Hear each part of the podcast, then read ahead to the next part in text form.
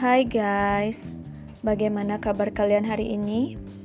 Aku harap baik-baik saja ya.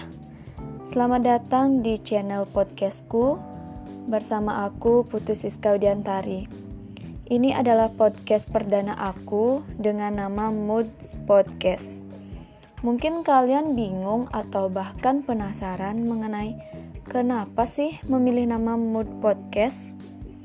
Oke, aku akan jelaskan alasan aku memilih nama Mood Podcast karena ke depannya di channel ini aku akan membahas hal apa pun yang sesuai dengan suasana hati aku. Nah, jadi di channel Mood Podcast kamu bisa mendengarkan celotehan aku, baik itu hal yang berhubungan dengan masalah percintaan, kehidupan, tips, saran, dan masih banyak lagi. Ke depannya, aku berharap semoga kalian ngepoin terus ya channelku ini. Enjoy, bye.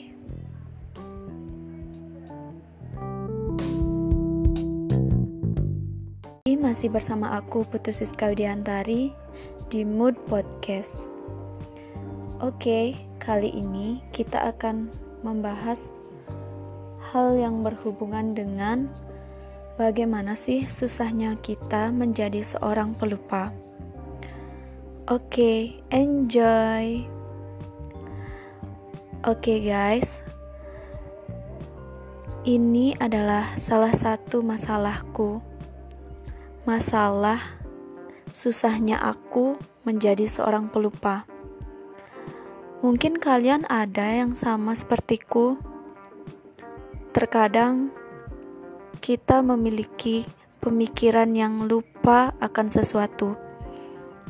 Sesuatu baik itu mengenai lupa mengerjakan tugas, lupa menaruh sesuatu. Itu tentunya sangat mengganggu kan, guys? Hal itu juga terjadi padaku. Terkadang aku juga lupa menaruh sesuatu yang sebelumnya sudah aku taruh Tiba-tiba di saat aku mencarinya aku lupa. Aku taruh di mana ya? Kira-kira apa sih tips-tips buat kalian yang sama sepertiku?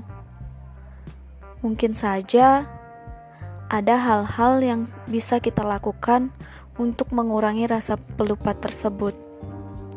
Salah satunya adalah mengingat atau berusaha menghafal berkali-kali mengenai letak barang, atau bisa juga kita mencatatnya.